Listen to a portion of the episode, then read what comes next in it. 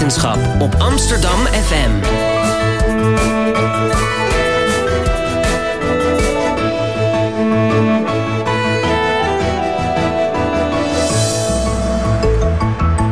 Radio Swammerdam.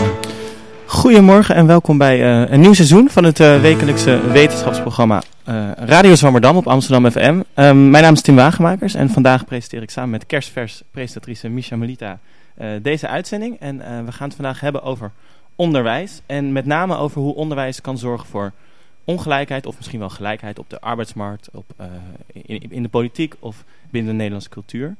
Um, en Misha, voordat we beginnen, voor jou, Jij bent ook socioloog, toch? En voor jou ja, is dit een heb, uh, bekend onderwerp, denk ik. Inderdaad, ik heb een scriptie geschreven over de kloof tussen hoog en laag opgeleiden. En uh, de stereotypes die daarin bestaan. En wat er gebeurt als uh, die groepen elkaar tegenkomen. Met de voordelen die ze over elkaar hebben. Ja, ja en, en, of ze elkaar überhaupt nog tegenkomen is ook nog maar een vraag die we vandaag gaan proberen te beantwoorden. Um, Herman van der Werfhorst, welkom. Goed dat je er bent. Dankjewel. Um, ja, we praten met jou eigenlijk naar aanleiding van een boek dat jij gepresenteerd hebt. een kloof van alle tijden, waar jij de hoofdauteur van bent. Um, en in dat boek gaat het eigenlijk over hoe onderwijs uh, kan zorgen voor ongelijkheid tussen lage en hoge opgeleiden, hun positie op de arbeidsmarkt. Um, kun je me iets vertellen over waar jou, uh, wat is onderzocht in het boek? Ja.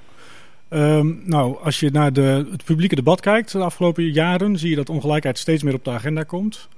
En voor uh, belangrijke organisaties zoals de Wetenschappelijke Raad voor het Regeringsbeleid en het Sociaal en Cultureel Planbureau was dat reden om te denken dat er een toename was van de kloof tussen lager en hoger opgeleiden. Er zouden, uh, er zouden, zouden gescheiden werelden ontstaan, waarbij mensen elkaar nooit meer tegenkomen, waarbij kansen in het leven steeds meer zijn voorbehouden aan de hoger opgeleiden, terwijl de lager opgeleiden steeds meer de klappen opvangen. Um, terwijl we eigenlijk over die ontwikkelingen daarin heel weinig wisten. Dus um, hoewel die kloof heel nadrukkelijk aanwezig is in de Nederlandse samenleving, hoger opgeleiden hebben hele andere levens, uh, meer kansen op de arbeidsmarkt dan lager opgeleiden. Um, zien we ook dat die kloof eigenlijk van alle tijden is. Het is een kloof die al jarenlang, decennia lang aanwezig is in de, in de Nederlandse samenleving. Dus als je kijkt naar de universitaire scholen van vandaag en, de, uh, en het verschil daar, hè, met, met bijvoorbeeld uh, mensen met een mbo-opleiding. En je bekijkt datzelfde verschil in de jaren 70, is er eigenlijk op heel veel vlakken heel weinig ja. veranderd. Dus in die zin is het gesprek dat wij vandaag voeren zowel over basis, middelbaar als ook hoger onderwijs. Ja, dat, dat dus strekt zich hebben, in alle ja, dus we, we, hebben naar allerlei niveaus van scholing gekeken. En we hebben naar allerlei uitkomsten gekeken. Zowel op de arbeidsmarkt als um, in de cultuur, uh, cultuurparticipatie, opvattingen van mensen. Um, als ook in de politiek. Dus uh, of mensen gaan stemmen bij verkiezingen. wat een, hoe, hoe, hoe, cynisch men is over de politiek. wat voor opvattingen men heeft over de politiek.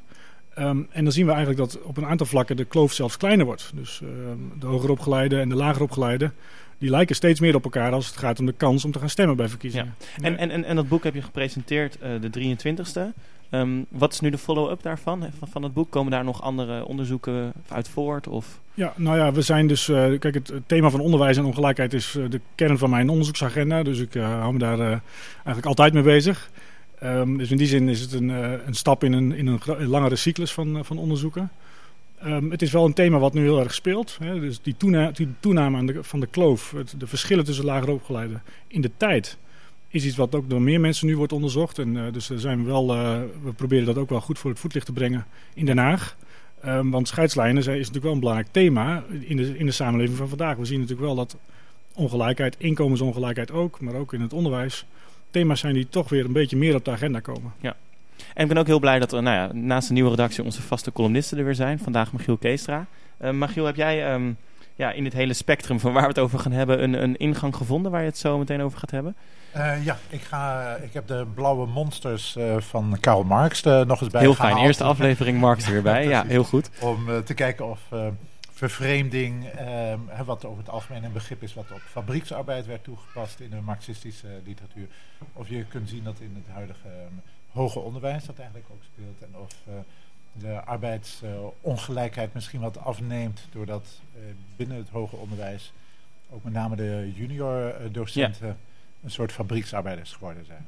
Nou, heel goed. Volgens mij hebben we zat te bespreken. Um, en voordat we dat gaan doen en even heel concreet ook op een aantal aspecten uit jouw boek, Herman, gaan inzoomen, denk dat het goed is om heel even te pauzeren met een liedje van de Jackson 5, ABC. En daarna praten we verder in Radio Zwammerdam. Dus blijf vooral luisteren.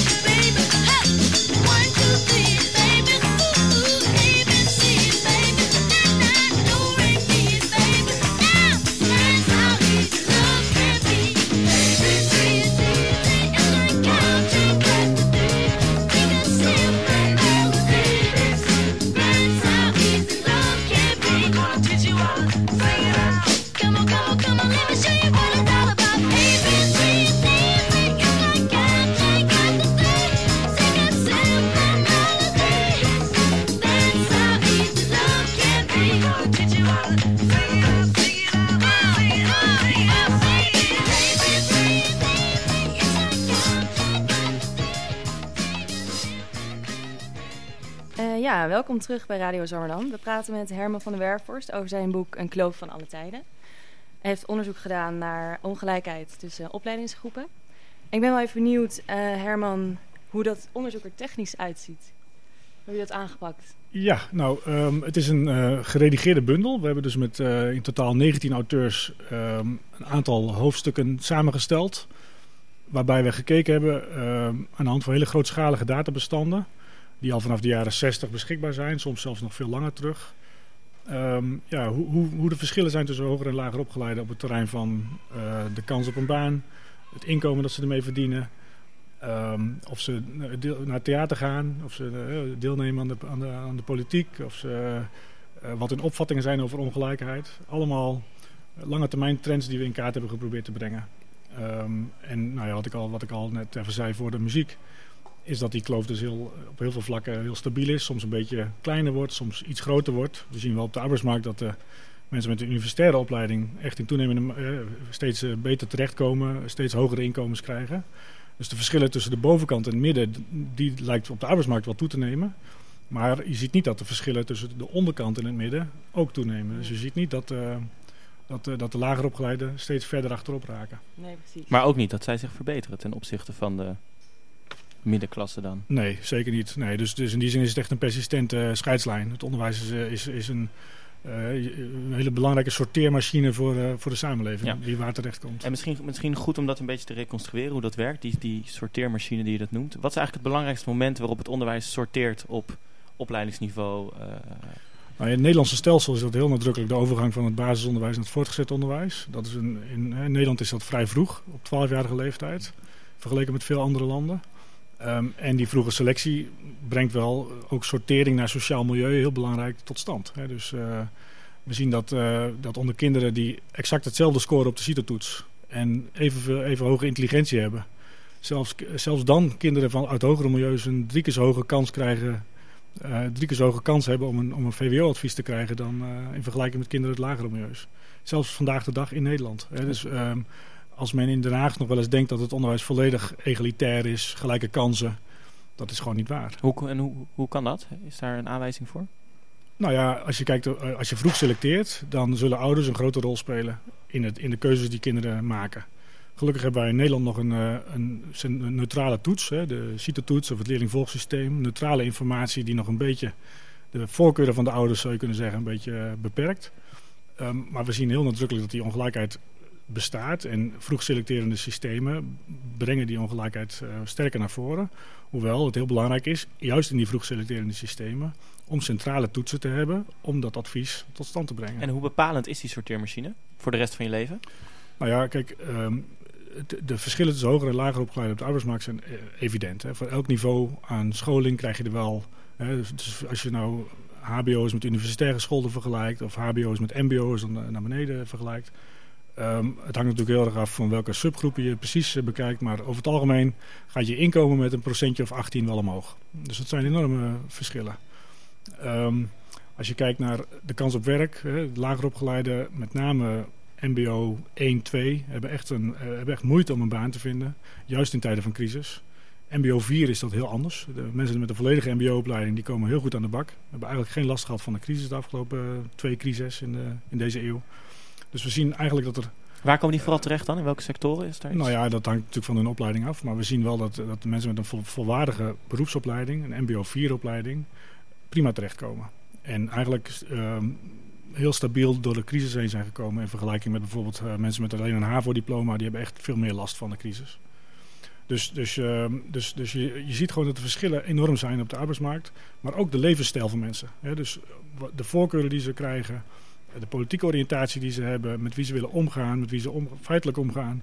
Allemaal ja, gedragspatronen die heel sterk samenhangen met, je, met het opleidingsniveau van mensen. Is dat met wie erg? ze trouwen. In toenemende mate hè, zie je ook homogamie, dat mensen uh, van dezelfde opleidingsniveaus met elkaar uh, trouwen. Uh, nou ja, of dat erg is. Uh, kijk, als de, als de samenleving voor scheidslijnen. als, als er in de samenleving persistente scheidslijnen bestaan. Ja, bestaat de kans dat, er, dat de de cohesie zeg maar, op, op nationaal niveau daar wel last van heeft. Als mensen elkaar nooit ontmoeten, ontstaat er misschien ook geen begrip voor elkaar en uh, is het meer ieder voor zich.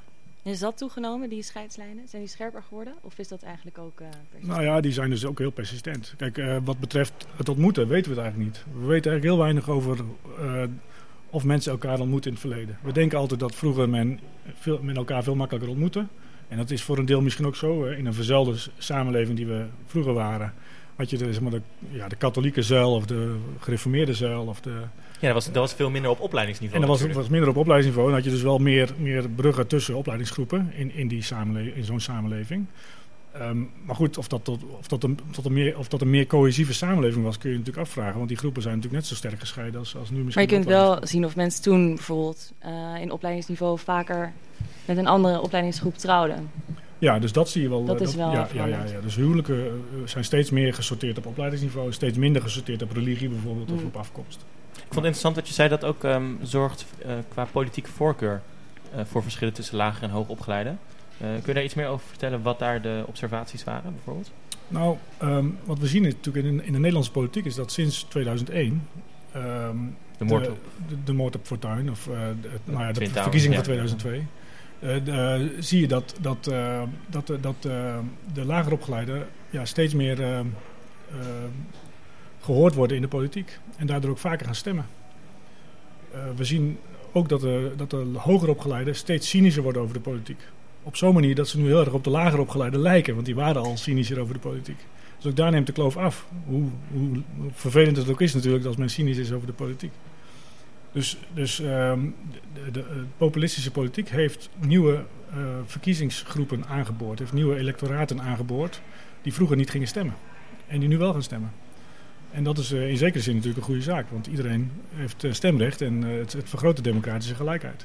Hoe, hoe zit de verhouding in Nederland tussen laag en hoog opgeleid? Praten we over een verdeling van 20-80, 40-40?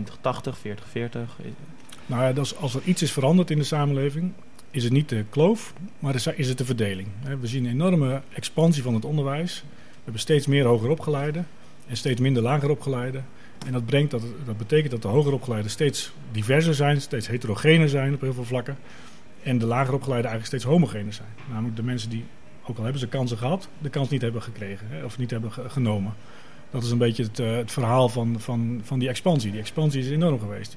Verborgen talenten onder de lager opgeleiden, die bestaan misschien veel minder dan vroeger. Uh, iedereen die talenten had of heeft, die heeft ze kunnen ontplooien in het Nederlandse onderwijsstelsel. Althans, tot op zekere hoogte. Mm.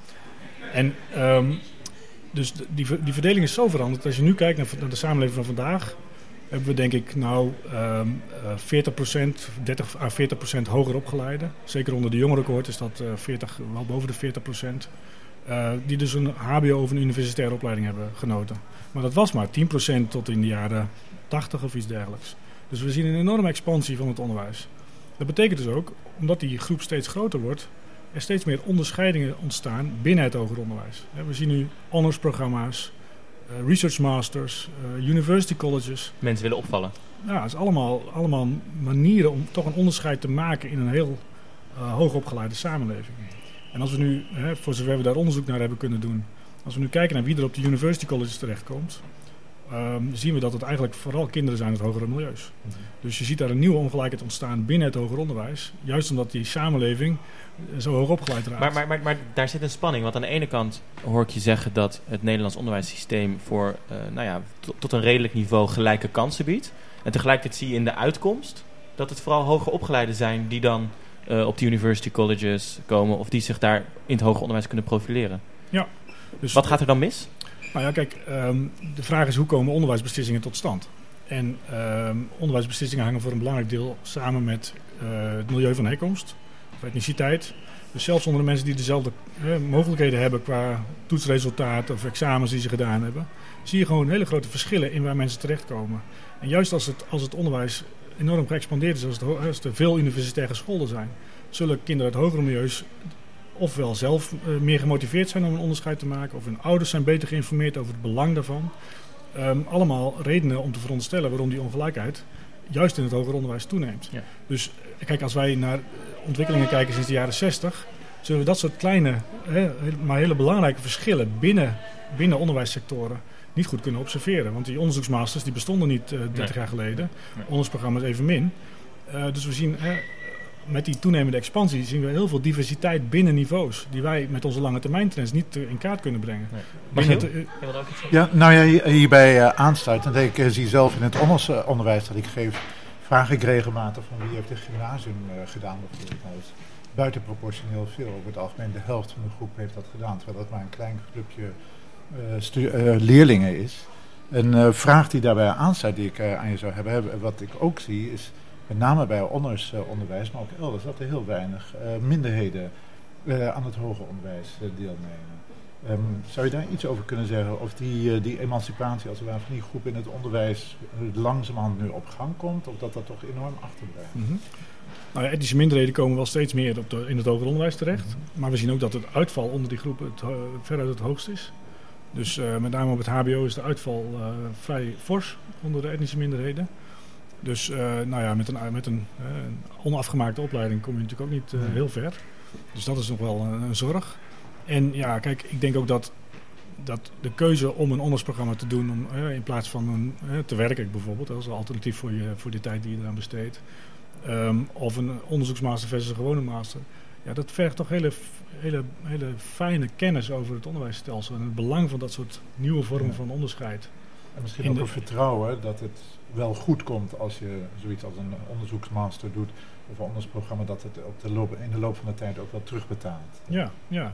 Dus dat zijn allemaal ja, vormen van kennis die Mhm. misschien kinderen uit minderheidsmilieus, Ja. zeker als de ouders niet hoog opgeleid zijn, toch veel minder hebben. Zie je ook niet een tegengestelde beweging? Want ik kan me juist voorstellen dat de hoger opgeleiden die zo'n onderwijsprogramma bijvoorbeeld doet, zich zorgen maakt over perspectief op de arbeidsmarkt.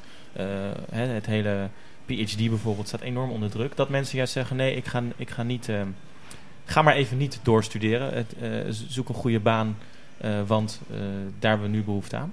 Is, is dat iets wat je ziet? Nou, volgens mij zien we dat niet echt. En ik vraag het altijd in mijn bacheloronderwijs. Wie gaat er stoppen na de bachelor? Bijna niemand. Iedereen gaat een master doen, of althans dat denken ze dan. En, eh, en dat is vanuit het individuele oogpunt ook heel verstandig. Dus als je als student moet beslissen, wat ga ik doen? Ga ik doorstuderen, een master ja of nee? Is het echt voor de persoon zelf het verstandigste om dat wel te doen? Dat het op collectief niveau tot een suboptimale uitkomst leidt, namelijk misschien te veel masterdiploma's, doet daar niks aan af. Dus we hebben typisch te maken met een, met een, met een onvoorziene uitkomst van, eh, van individuele, rationele beslissingen. En ehm, eh, kijk, als een werkgever iemand zoekt voor een functie waar in feite een bachelordiploma voldoende voor zou zijn, zal die toch liever een masterdiploma, eh, iemand met een masterdiploma op, eh, eh, aannemen. Dus dat verschil tussen opleidingsgroepen zal blijven bestaan. Nou, volgens een economische theorie zou dat niet kunnen, want dan zou het rendement omlaag moeten gaan voor die masteropleidingen op zo'n manier dat zij niet die investering aangaan van het jaar. Maar dat is volgens mij geen adequaat model van hoe onderwijsbeslissingen tot stand komen. Mensen weten heel goed dat, zij, dat, het gaat om een soort relatieve positie waar zij in verkeren. En als iedereen de- een masteropleiding gaat doen en jij gaat geen masteropleiding doen, dan vis je achter het net. Maar, maar is dat dan ook de reden waarom je daar straks zei dat het voor HAVO-studenten misschien nog wel het, het, het moeilijkst, eh, zeg maar, in die, als je die kloof eh hoog-laag opgeleid neerzet, dat voor de HAVO-studenten misschien nog wat moeilijkst is? Omdat die net niet de masterstudent is, maar ook niet de MBO'er die een makkelijk een baan kan vinden? Nou ja, ook HBO's vinden over het algemeen prima een baan als ze de opleiding afmaken. Kijk, eh, wat in het HBO een groot probleem is, is uitval. En, eh, eh, maar dat is voor een groot deel zijn dat mensen met een MBO-opleiding, die al een afgeronde MBO-opleiding hebben. Kijk, dat is uitval, dat is eh, zorgwekkend, maar tegelijkertijd is het uitval van iemand met een kwalificatie. Dus, eh, maar een HAVO-gediplomeerde die, die uitvalt uit het HBO, die heeft eigenlijk heel weinig om op terug te vallen. Dus je kunt beter vanuit een MBO uitvallen in het HBO dan vanuit een HAVO. Tegelijkertijd zien we dus dat de HAVO'ers over het algemeen vaker de HBO-opleiding afmaken. En dat is ook heel goed daarmee te verklaren. Of misschien zijn ze er ook beter geschikt voor, eh, kunnen ze beter leren op dat niveau, dat weten we niet. Maar dat is, eh, dat is wel heel nadrukkelijk het verschijnsel. Waardoor wordt dat verklaard, die uitval in het HBO? Nou ja, dat is een grote vraag. Daar weten we niet heel veel over. Wat nou precies de verklaringen zijn. Dat er nu een eh, nieuwe lector is op de HVA die dat gaat onderzoeken. Louise Elvers. Ehm, die, eh, die heel nadrukkelijk de uitval op het, in het beroepsonderwijs eh, gaat onderzoeken. Ehm, maar ik denk wel dat in het algemeen in Nederland men heel vaak denkt, hè, ook internationaal gezien krijgen we van de OECD bijvoorbeeld, de OESO, wel eens op onze kop, omdat, onze, eh, omdat er zo weinig leerlingen naar het hogere niveau, eh, naar de universiteit doorstromen. Vanuit HBO? Vanuit het, nou, vanuit, vanuit het stelsel in het, in het geheel. Dus juist in systemen waar vroeg geselecteerd wordt, zoals Nederland, zie je dat deelname aan het hoger onderwijs, HBO-universiteit, kleiner is. En dat is een slechte zaak volgens de, volgens de OESO. Maar je kunt je afvragen of dat noodzakelijk een slecht idee is. Want het kan best zijn dat die mensen met een mbo-opleiding prima aan de bak komen. Zonder dat ze daarvoor een hoger onderwijsdiploma nodig hebben. Juist omdat wij zo'n gedifferentieerd stelsel hebben in het, uh, in het, qua beroepsonderwijs. Dus eh, het is altijd een beetje een trade-off. Bijvoorbeeld een beroepsopleiding, um, daar, daar, is, sociale segregatie, uh, ook etnische segregatie. Dus als je kijkt wie er een beroepsopleiding gaat doen of een algemene opleiding, zie je dat uh, lager opgeleide milieus, de kinderen daarvan vaker in het beroepsonderwijs terechtkomen. Maar tegelijkertijd, ja, dat beroeps, beroepenstelsel wat we hebben, is heel goed voor de arbeidsmarkt. We hebben in Mm. Nederland een hele goede overgang van school naar werk, als je dat vergelijkt met andere landen. Juist omdat onze mbo'ers, althans als ze een volwaardige mbo-opleiding hebben gedaan, goed aan de bak komen. Ja. Ehm, dus dus de, de uitdaging is denk ik voor een Nederlands stelsel is meer, uh, hoe kun je nou dat moment van vroege selectie minder rigide maken, minder deterministisch maken en tegelijkertijd een beroepsopleidingenstelsel handhaven. En de MBO-raad had nu het idee om, om, um, om de HAVO en het VMBO-T samen te voegen, dus de, de oude MAVO. Juist om de doorstroom naar het MBO te garanderen of te bevorderen. En uh, nou ja, goed, of dat nou een, uh, of dat nou een verstandige keuze is of niet. Uh, de, de belangrijkste zorg die beleidsmakers zouden moeten hebben, is hoe we, de, hoe het MBO goed kunnen houden en hoe we die, die overgang naar naar het MBO, of de, de doorstroom naar, richting het MBO kunnen ja. bevorderen. Nou, dat, dat lijkt me goed om zo meteen over door te praten. Misschien dat we dan ook kunnen zoeken naar um, wat verbeteringen zouden kunnen zijn in ons stelsel om bijvoorbeeld die overgang uh, te garanderen. Maar voordat we dat doen, um, we hadden het even aangekondigd. Uh, onze vaste columnist Michiel Keestra is er. En um, Michiel, aan jou is het woord. Oh, ja, goed. Um, lange tijd gold hoger onderwijs als een belangrijke emancipatiemotor waarmee de arbeider zich aan zijn machteloze en zwakke maatschappelijke positie kon ontworstelen en waardoor hij of zij natuurlijk uh, werk zou kunnen gaan doen dat minder geestdodend is dan het fabriekswerk waartoe hij steeds meer gedwongen was. Onderwijs, zo luidde althans het uh, parool, vormde een ontsnappingsweg aan de heersende arbeidsongelijkheid omdat het verschil tussen witteboordenwerk en blauwe kragenwerk nu eenmaal groot was. De klassieke emancipatieroute was daarbij de kweekschool, die vele arbeiderskinderen de maatschappelijke sprong naar het onderwijzerschap heeft geboden. Vanwege het thema van vandaag over de relatie tussen onderwijs en arbeidsongelijkheid wil ik kort met u bespreken of het hoger onderwijs nog steeds een kwalitatieve sprong naar een betere arbeid betekent of niet. De achtergrond van deze analyse vormt daarbij de onrust die vooral aan de Universiteit van Amsterdam geheerst heeft in het afgelopen academisch jaar. Met bezettingen van het Bungehuis en het Maagdenhuis, demonstraties tegen bezuinigingen en reorganisaties van het onderwijs, het vertrek van de collegevoorzitter, vragen in het parlement over de bekostiging van het hoger onderwijs en de arbeidspositie van met name jonge docenten en onderzoekers enzovoort. Ik heb zelf in die tijd met collega's Rethink Science Park opgezet om ook vanuit de faculteiten Natuurwetenschappen, Wiskunde en Informatica bij te dragen aan de kritische discussie over de ontwikkelingen aan de UvA en elders in het academisch landschap. Bij een van de bijeenkomsten in het Maagdenhuis waarin ik bijgedragen heb, werden de aanwezigen verrast doordat daarbij een FNV-vakbondsleider aanwezig was die ons, academische studenten en medewerkers, solidariteitsverklaringen overbracht van de schoonmakers op Schiphol en van fabrieksarbeiders elders in het land. De meeste van ons beseften toen pas goed dat er een merkwaardige verwantschap gegroeid is tussen de posities van laaggeschoolde en enkele hooggeschoolde arbeiders. In de eerste instantie ligt zo'n vergelijking niet voor de hand. We leven immers in een zogenaamde kenniseconomie en je zou veronderstellen dat hooggeschoolde arbeiders zich in een machtspositie bevinden die vroeger aan kapitalisten of landbezitters voorbehouden was. Kennisbezitters, uh, kenniswerkers bezitten een gewild product waarvan vele bedrijven, organisaties en overheden afhankelijk zijn. Kennis, vaardigheden, competenties die vaak specifiek voor een individu zijn en niet standaard. Bovendien zijn dit soort kennisproducten niet goed te mechaniseren of automatiseren, zodat je niet zou verwachten dat kenniswerkers op dezelfde manier door mechanisatie, industrialisatie en tenslotte globalisering buitenspel gezet kunnen worden, als dat bij ambachtslieden het geval is. Daarom zou je ook niet verwachten dat er een soort kennisproletariaat kan ontstaan, zoals dat wel gebeurd is binnen de laaggeschoolde blauwe boordenarbeid. Karl Marx, ja, daar komt hij eventjes, schrijft echter al in zijn hoofdwerk Das Kapitaal uit 1876 uit mijn hoofd, ehm, dat een schoolmeester vergeleken kan worden met andere arbeiders, omdat hij zich afbeeldt in een leerfabriek in plaats van in een worstfabriek, waarbij hij kinderköpfen, ofwel kinderhoofdjes bewerkt in plaats van vlees. Laten we dus eens kijken of het noodlot van de handbearbeider ook door de koparbeider te wachten staat, als we een marxistische analyse volgen. Dat noodlot bestaat volgens Marx vooral uit twee aspecten. De arbeider wacht vervreemding van zijn werk en positie en wacht bovendien ook verelendung. Dat wil zeggen dat zijn positie steeds slechter wordt. De vervreemding van de arbeider bestaat uit een aantal stappen volgens Marx. Het komt erop neer dat wat vroeger gedaan werd door een ambachtsman steeds meer wordt overgenomen door arbeiders in een geïndustrialiseerde productiewijze, zodat hij niet meer een bevredigende verhouding tot zijn ambachtswerk kan handhaven. Doordat het werk steeds verder wordt opgedeeld in productiestappen, zoals in een fabriek, en de arbeider geen zeggenschap over het eindproduct of het productieproces heeft, maar alleen verantwoordelijk gemaakt is voor een klein onderdeeltje van het proces, kan de arbeider zichzelf als ambachtsman niet meer daarin herkennen. Bovendien heeft de uitholling van zijn ambachtswerk tot mechanische fabrieksarbeid tot gevolg dat expertise en ervaring van de arbeider nauwelijks meer van belang zijn. Daardoor kunnen veel mensen hetzelfde werk doen, eventueel zelfs op andere continenten, waardoor de lonen onder druk komen te staan en de macht van de arbeider verder wordt uitgerold. Het is verrassend en ook enigszins beangstigend om te beseffen dat deze analyse de afgelopen decennia steeds meer is gaan gelden voor met name jonge kenniswerkers, zoals die aan onze universiteiten en elders werken.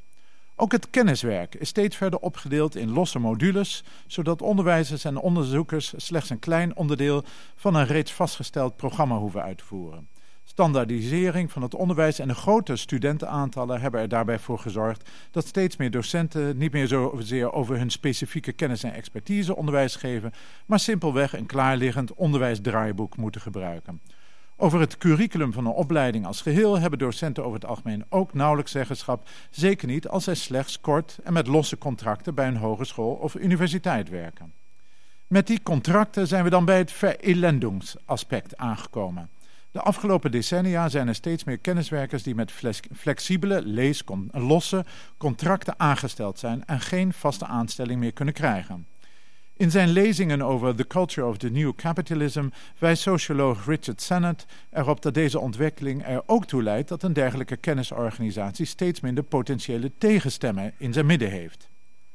Zulke kennis-uitzendkrachten hebben immers geen positie van waaruit ze makkelijk kritiek kunnen uh, uiten en bovendien zullen zij ook niet de loyaliteit hebben om zich te wijden aan de verbetering van de organisatie die hen zo uitbuit. Dit laatste sluit enigszins aan bij Marx' analyse over de uh, arbeid in zijn economisch-filosofische manuscripten van 1844, van Voor het Kapitaal. Hij wijst daarin erop dat de entfremdung van de arbeider van zijn werk er uiteindelijk ook toe leidt dat mensen van elkaar vervreemd raken, waardoor de potentiële tegenkracht die zij kunnen vormen niet meer tot stand komt. Goed, ik heb hier niet meer de tijd om allerlei nuances aan te brengen en op de tekortkomingen van zo'n marxistische analyse van het hoger onderwijsland te wijzen. Hier wilde ik vooral de parallellen benoemen, die volgens mij erop wijzen dat er in bepaalde opzichten de arbeidsongelijkheid misschien is afgenomen tussen het werk van hoogopgeleide en laagopgeleide. Laten we hopen dat daardoor de solidariteit tussen deze groepen gaat toenemen en dat zij gezamenlijk zullen proberen om deze zorgwekkende maatschappelijke trends te keren.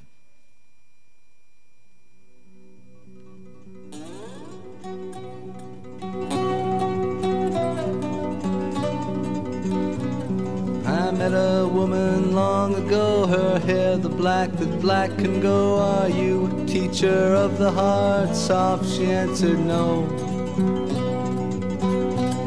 I met a girl across the sea, her hair the gold that gold can be. Are you a teacher of the heart? Yes, but not for thee.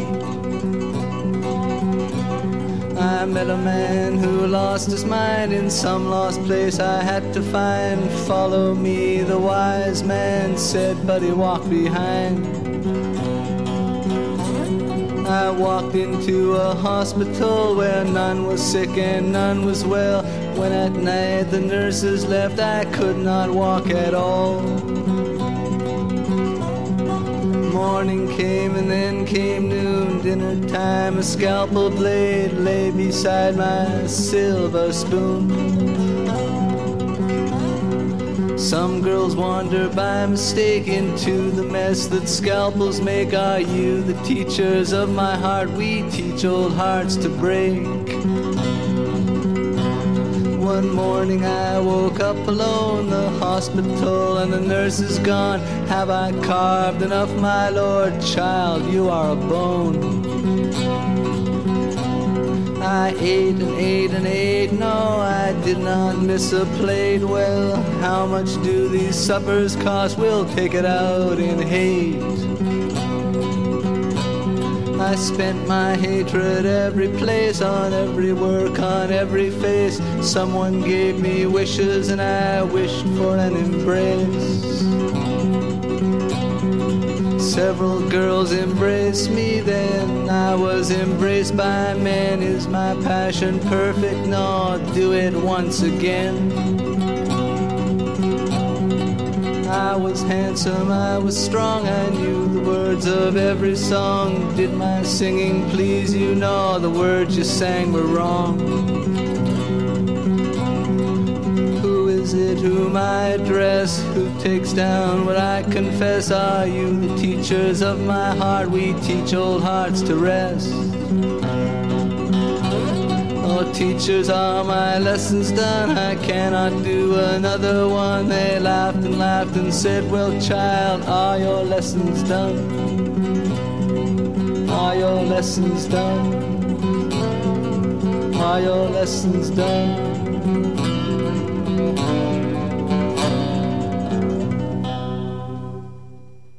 Ja, dat was Leonard Cohen met het lied Teachers. ehm, na de column van Michiel Keestra. Dus eh, Herman, je hebt even de tijd gehad om, eh, om een gedachte hierover te formuleren. Ehm, Nou, ik vond het een hele interessante column. En ehm, eh, ja, ik denk dat ik er twee dingen over wil zeggen, als het kan. Ten eerste, nou, volgens mij is het evident dat er binnen het hoger onderwijs, binnen het personeelsbeleid in het hoger onderwijs, wel echt wel wat verandert. Dus we zien wel steeds meer mensen met een flexibel contract en jonge, jo- jonge mensen met een tijdelijke aanstelling. Ehm, die heel hard werken voor, eh, voor, eh, voor wat ze doen, eh, voor, de verantwoordelijkheden die ze krijgen. Ehm, eh, dus, en dat is, ja, het is ook wel een beetje de aard van veel van die banen, denk ik, dat het jonge mensen zijn. Dus, althans, voor zover ik dat overzie bij ons, bij sociologie, zien we dat, ehm, dat de junior docenten die nou, jonge mensen zijn, die een onderzoeksmaster hebben afgerond en geen promotieplaats hebben of willen hebben of kunnen krijgen. Ehm, dat die mensen, ja, de essentie van hun werk is juist, of het mooie van, vind ik van, van wat zij doen, is dat zij tussen de studenten en de docenten instaan. Dus ook per definitie eigenlijk een jonge groep mensen zou moeten zijn. Ehm, waardoor je ook eh, ja, per definitie dus een tijdelijk eh, contract zou moeten hebben. Eh, dat die mensen, dat er veel, van, veel onderwijs wordt gegeven door die mensen, is, een feit. En daar moeten we wel echt voor oppassen dat we dat niet te veel laten worden. En dat we dus misschien ook anders moeten omgaan met onze tijdelijke contracten. Eh, we zien ook heel veel mensen in de postdoc-fase bijvoorbeeld eh, van postdoc op postdoc eh, Ja. werken. Dat is een bekend fenomeen. Nou ja, als, dat, als er gewoon altijd postdocs rondlopen op een afdeling, wat het geval is, is er blijkbaar ook altijd ruimte voor iemand, ook al was het een vaste baan geweest. Dus daar kun je ook anders over nadenken. Dus eh, dat gezegd hebbende, hè, dus het is belangrijk om te, om te beseffen dat er zeker wel wat veranderd is binnen het hoger onderwijs. Maar dat gezegd hebbende zien we ook dat, dat de grote klappen van de flexibilisering worden opgevangen door de lager opgeleiden. Daar zie je een toename van flexibele contracten. En ehm, als ik eerlijk ben en ik kijk naar onze tijdelijke docenten, juni- junior docenten bij, de, bij sociologie. De meeste mensen komen best goed terecht. En die vinden wel een promotieplaats na een paar jaar. Of die een andere baan. En, en, maar goed, ik heb er niet, volledig zicht op maar natuurlijk. maar het, het- Maar het dus, punt van eh, solidariteit, dat eh Michiel aanstipte, ehm, zie jij dat tussen ha- lager en hoog opgeleide? Want ik ken mensen die eh hoog opgeleid zijn, die hebben een master gehaald, kunnen geen baan vinden en die gaan het werk doen wat een lager opgeleide kan doen. Dus als je ziet, ehm, de lager opgeleiden die worden verdrongen. Hè, eh, niet alleen door, eh, door eh, mensen met, met een hoger diploma, maar ook door bijvoorbeeld studenten. Hè. Als je Ja. bijvoorbeeld kijkt naar het lagerschoold werk, wat er is. ehm, hè, dus in, in, in een stad als Amsterdam. Heel veel lagerschoold werk wordt feitelijk gedaan door studenten. En daardoor kunnen niet lagerscholden die banen innemen. Dus je zou denken dat lagerscholden daar wel in toenemende mate de klappen van opvangen. Maar in onze gegevens zien we niet, juist niet dat daar dat het heel sterk het geval is. Want we zien ook dat het aantal lager opgeleiden echt afneemt. Dus terwijl de hoeveelheid banen min of meer stabiel is voor lager opgeleiden, in Nederland, zien we dat, eh, dat het aantal lager opgeleiden afneemt. Dus het is ook logisch dat een deel van die banen althans... Dus we hebben die Eh, studenten uiteindelijk ook gewoon nodig. Nou ja, dat, is, dat zou je kunnen zeggen. Maar goed, het is, het is niet zo dat de lager opgeleiden eh, in een gespreid bedje terechtkomen. Helemaal niet. Eh, dat is zeker niet het geval.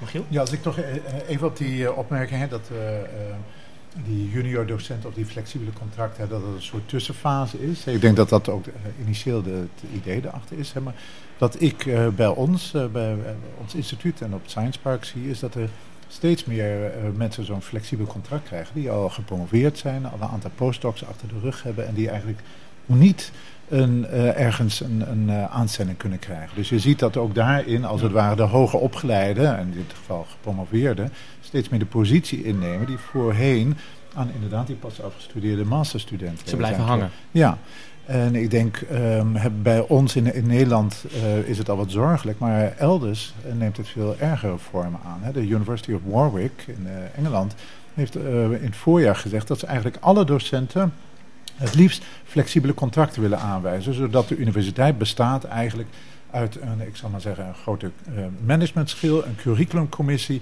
en die huurt op losse basis voor alle... Een, uit, alle- een soort ja, uitzendbureau. Ja, inderdaad. Ja. Ja. Nou, dus het kan nog veel verder gaan. En bij Amerikaanse universiteiten zie je dat ook wel gebeuren. En daar is dan nog weer een andere ontwikkeling waar we in Nederland weinig zorgen over maken. Dat is het eh, de aanbod met de internetcursussen, de MOOCs, eh, de massieve open en online cursussen. Waarbij het idee is van steeds meer universiteiten van... eh, we bieden de video's van Harvard of MIT aan en we huren ter plekke een paar flexibele contracten, eh, contractarbeiders aan om de werkgroepen te doen of de tentamens. Ja. Nee, ik, ik wilde toch, nou, wat we als, als vier hoogopgeleiden, dat we een beetje solidair zijn met de laagopgeleiden. Het onderwerp een goed, stukje ja. terugnemen in de sorteermachine. Ehm, Mhm. dat punt wat jij noemde in het begin, van ehm, mensen die kwalitatief even goed zijn als anderen, dus ze halen dezelfde CITO-score, maar toch zie je dat eh, etnische minderheden minder snel ehm, vervolgens VWO bijvoorbeeld gaan eh, doen op een middelbare school. Is daar iets aan te doen? Nou, kijk, eh, wat je niet moet doen is die eh, toets onbelangrijker maken. Wat nu gebeurt. Eh, ehm, wat gebeurd is afgelopen jaar is dat de CITO-toets, de eindtoets basisonderwijs, is verlaat tot na het advies. Ehm, ja, het zou kunnen zijn dat het leerlingvolgsysteem de plaats inneemt van, het, van de CITO-toets. Dus in die zin er toch neutrale informatie beschikbaar is voor de docent. Maar mijn vrees is dat die, die, dat leerlingvolgsysteem toch vrij anekdotisch wordt bekeken per leerling. Eigenlijk meer ter bevestiging van het oordeel van de leraar. Is hij rustig in de klas, gezellig met kinderen? Ja, dus ik, mijn, mijn vermoeden is, tenminste dat lijkt mij de hypothese die we zouden moeten toetsen binnenkort, ehm, is dat de ongelijkheid in, in wie er op het VWO terechtkomt toeneemt als gevolg van, die, van het uitstel van de CITO-toets. Ehm, dus kijk, er is in, in onderwijsland is er veel weerstand tegen toetsen. En ik snap ook heel veel van die kritiek. Eh, het, eh, het zou kunnen leiden tot teaching to the test, zoals het wordt genoemd. De school, het enige wat ze doen is zorgen dat die leerlingen goed eh, presteren op de toets en de rest laten ze maar een beetje achterwege. Ehm, dus dat is zeker een zorg waar we mee om moeten zien te gaan. Maar mijn indruk is dat, dat we nu een beetje te veel terecht zijn gekomen in een, in een heel kritische houding tegenover toetsen. Waar de toets in de jaren 60 gewoon werd ingevoerd om gelijkheid te bevorderen. Om gelijke kansen te bevorderen. Om een neutrale bron van informatie te geven aan ouders. Kijk, eh, we zien gewoon wat ik al zei. eh, er zijn enorme sociale verschillen in het advies dat mensen krijgen. Zelfs met dezelfde CITO-toetsscore. Nou, dat kan alleen maar komen doordat of leraren echt denken van nou ja, bij de grensgevallen. eh, die komt er wel als die op het VWO moeilijkheden krijgt via, via hulp thuis of iets dergelijks. Of het zijn ouders die een beetje eh, druk, uitoefenen, druk, druk ja. op de scholen. Dat is ook niet zeer onwa- onwaarschijnlijk. Hè, er zijn allerlei sociale processen gaande die niets te maken hebben met, eh, met de leercapaciteiten. Die wel degelijk heel erg grote ongelijkheden met zich meebrengen. En zelfs de verhouding tussen zeg maar, hoeveel er wel via die CITO-toets of die prestaties gaat. En, en, en hoeveel er iets anders is wat te maken heeft met keuzeprocessen in gezinnen. Die verhouding is amper veranderd sinds de jaren 60. Dat is Maar, maar hoe belangrijk, want we focussen ons nu heel erg op zeg maar, het niveau waar mensen terechtkomen. Mensen doen, gaan VWO doen, mensen gaan HAVO doen, mensen gaan VMBO doen. Maar is het niet ook, want dat zie je nu misschien een beetje in die hele matchingsdiscussie over kinderen die naar een bepaalde middelbare school gaan. Het type school waar je naartoe gaat. Dus ehm, ouders die hun kind heel graag naar het Barlees willen en misschien daarmee hun kansen vergroten voor later. Mhm. In plaats van die school ergens achter in de pijp. Is, is, is dat een issue? Nou ja, kijk, dat is natuurlijk eigenlijk vooral een grote stadsprobleem. hè. dus in Amsterdam en andere steden zie je dat natuurlijk. Ik woon zelf in Zaandam en daar hebben we het eigenlijk niet eh, aan de hand. Daar kun je Hoeveel middelbare scholen zijn daar? Daar zijn eh, in totaal, als je Krommenie meetelt, vier scholen voor Ja. HAVO-VWO. En eh, ik denk een stuk of vier scholen voor VMBO. Ehm, dus daar kun, je, daar kun je eigenlijk altijd terecht. Uh, nou ja, ze zeggen officieel geloof ik niet, maar de, de, praktijk is gewoon dat iedereen naar de school kan van zijn voorkeur. Dus het is echt een groot stadsprobleem. Um, het is ik vind het een heel interessant fenomeen, want het lijkt wel alsof, alsof ouders het gevoel hebben dat scholen belangrijker zijn dan dat ze zijn. Dus of je kinderen naar het ballet gaat of naar het vierde gymnasium. Ik kan me niet voorstellen dat het heel veel uitmaakt uiteindelijk op de lange termijn voor die kinderen. Um, maar goed, dat, uh, want kijk, over het algemeen, ook in het onderwijsbeleid, zien we dat men heel erg denkt aan de school als datgene waar je wat aan kan doen en waar je wat beleid kan uitoefenen. En, en, maar veel van de processen in, hè, die bepalen of kinderen goed presteren of niet, hebben niks met de school te maken, maar hebben met de thuissituatie te maken. En, en die thuissituatie, of ze nou naar het beleid gaan of naar het vierde gymnasium, in, zou in dat geval hetzelfde zijn. Dus, dus um, volgens mij moeten we. Um, ik, mij lijkt het een beetje overtrokken, de, de, de gedraging van ouders, uh, als je het op de lange termijn bekijkt. Maar tegelijkertijd, ja, scholen zijn wel belangrijk voor kinderen. Scholen verschillen enorm in de kwaliteit. Magiel, ik zeg je... Um, ja, nou, ik uh, bij een aantal dingen uh, ja. uh, vragen. maar nu bij het, bij het laatste, als, als grote stadsbewoner, mijn kinderen zijn, het, zijn al een paar jaar van school af. Um, um, ik denk wat de keuze van die, of de strijd om de scholen voor een deel komt door het idee dat je je kind plaatst in een bepaalde sociale omgeving. En die verschilt denk ik per school wel behoorlijk. En dan is het Barleus of, of een, een lyceum, een, een Calan lyceum maakt uit. En ik vraag me af of daar um, dus ook de sociale cohesie binnen die scholen kan, kan nogal verschillen. Of de, de homogeniteit. Mm. Of dat ook niet bijdraagt aan um, uitval of juist het, het binnen een school blijven. Ik weet niet of daar gegevens over zijn. Nou, dat weet ik ook niet zo 1, 2, 3 hoor. Maar het lijkt me, ja, dat zou heel goed, uh, heel goed kunnen. Dus uh, kijk, scholen verschillen in, in uitval en ook leraren verschillen in kwaliteit. Mm. En uh, een belangrijke factor is denk ik de kwaliteit van de leraar. Ja. Dus uh, we, we, we, hebben het, uh, toch de situatie dat de beste leraren vaak op de beste scholen werken. Mm -hmm. Je zou eigenlijk hopen dat het soms andersom is. Ja. Maar, uh, um, dus dat, dat is, dat, ja, de, kijk, natuurlijk kies je voor een school voor een klimaat. En je kiest voor veel meer dan alleen de leerprestaties van je, van je kind. Hè, uit, uiteraard. Dus dat, dat die zaken meewegen en dat ouders daar belang aan hechten. Bijvoorbeeld aan extracurriculaire activiteiten of, of de sociale samenzetting van een school. Dat is allemaal prima. Dus ook wel begrijpelijk. Um, maar maar het, uh, ik denk dat veel ouders ook denken dat het enorm veel uitmaakt voor die kinderen, voor de leerprestaties. Of ze naar de een of de andere school gaan. En ja, het lijkt mij dat dat, uh, als, je, als je heel goed controleert voor waar mensen vandaan komen, zijn er verschillen tussen scholen. Nou, die dragen misschien, uh, misschien 10% bij aan de, aan de, totale variantie, zoals we dat dan noemen. Maar, maar er, er wordt natuurlijk um, politiek gevoerd hè, op, uh, op dit onder, onderwerp. Van, krijgen we kinderen naar de goede school? Op wat voor manier spreiden we dat? -hmm. um, vanuit dat onderzoek wat je nu gedaan hebt en alle informatie die je daarin hebt verzameld... Wat vind jij belangrijk? Wat, wat zou er moeten veranderen om bijvoorbeeld die, dat, dat kind dat even goed is, maar niet naar die school, naar, naar die VWO-school gaat, -hmm. om, om die daar wel te krijgen, om, ja. die, om die kloof te verkleinen dan in die zin? Nou, wat we dus zien, hè, het boek gaat heel erg over onderwijsexpansie en hoe dat eigenlijk de kloof heeft heel tegelijk is gepaard is gegaan met een hele stabiele kloof tussen opleidingsgroepen. Daaruit kunnen we concluderen dat expansie op zich niet uh, de kloof verdicht. Hè. Dus we kunnen meer mensen naar het hoger onderwijs brengen.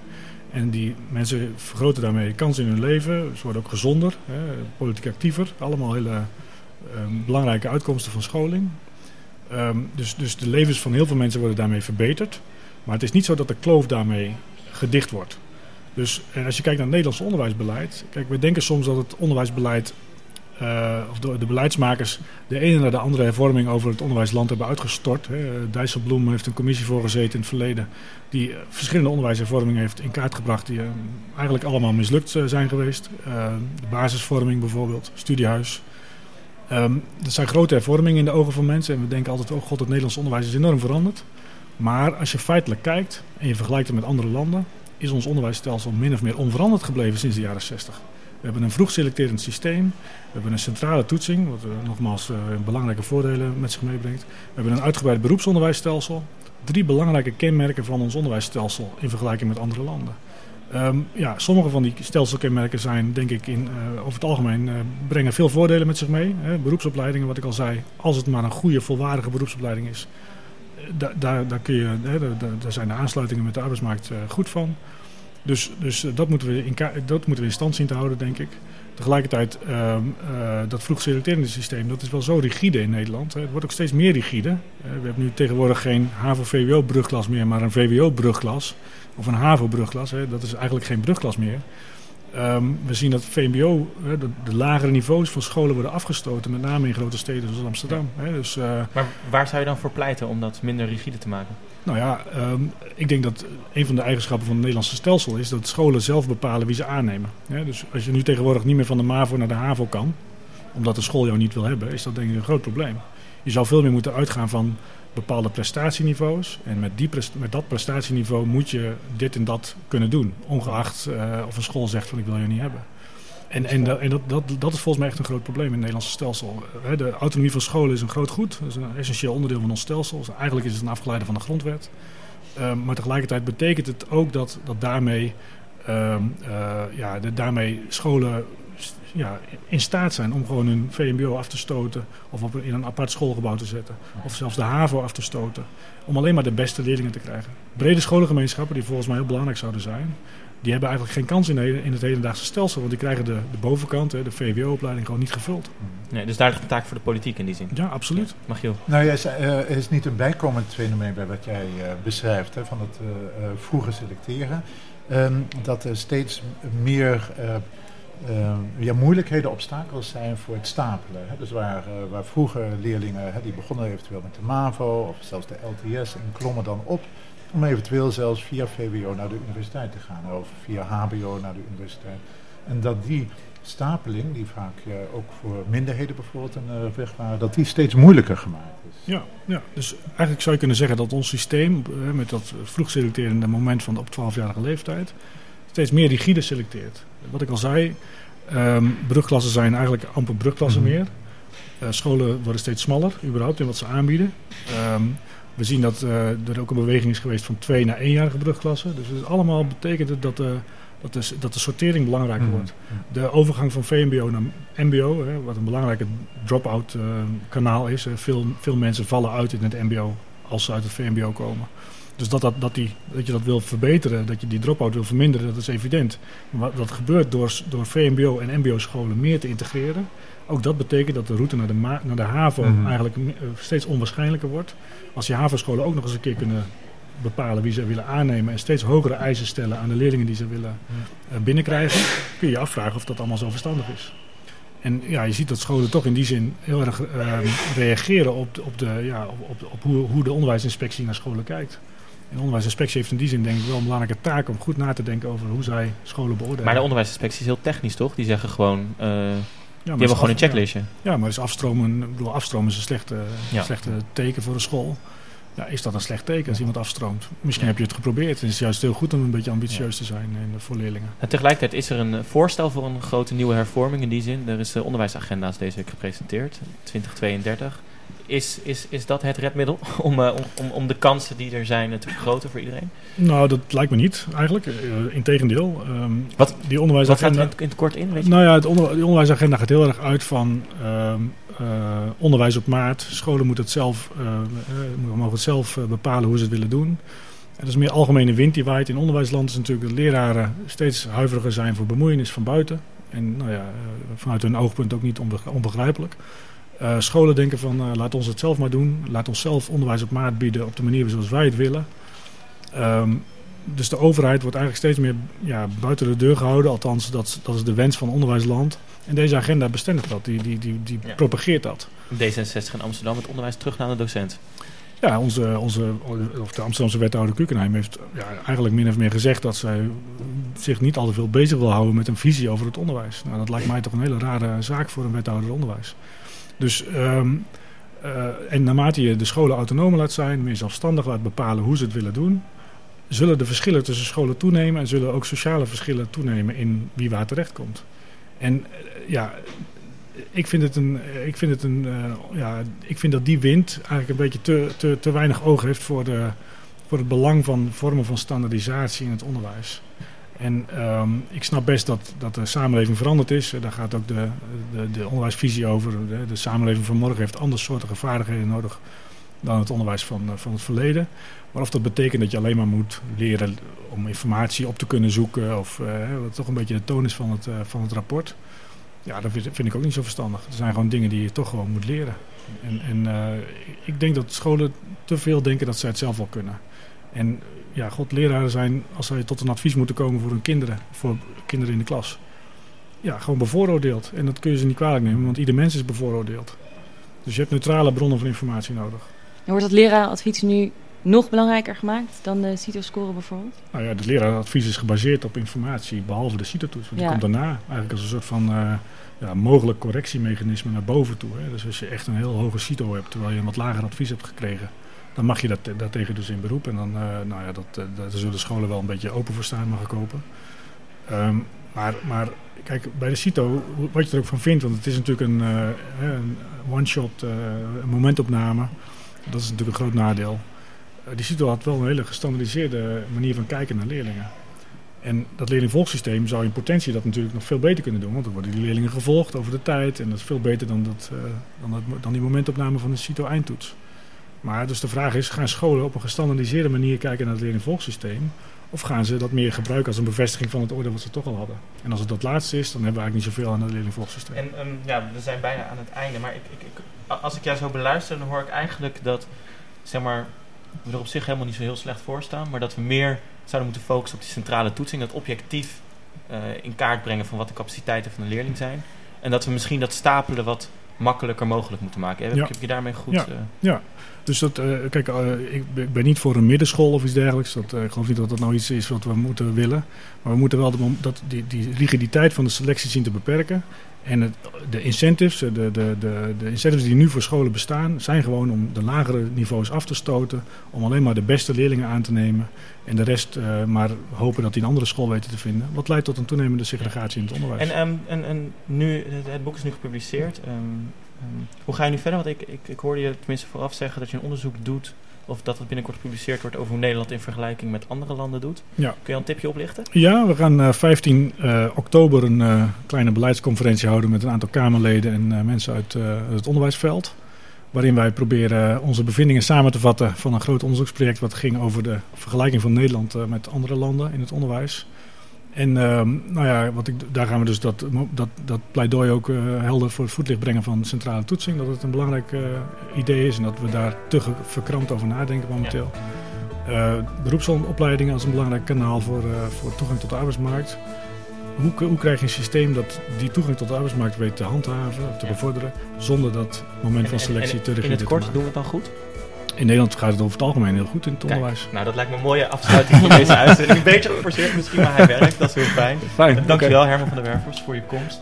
Ehm, en 15 oktober, ja, we zien eruit dan wat de uitkomst daarvan is. Ehm, dit was dan de eerste uitzending van eh, Radio Zwammerdam voor het nieuwe seizoen. Volgende week eh, hebben we een nieuwe uitzending. ehm, ook weer gewoon van 11 tot 12. En luister dan ook vooral.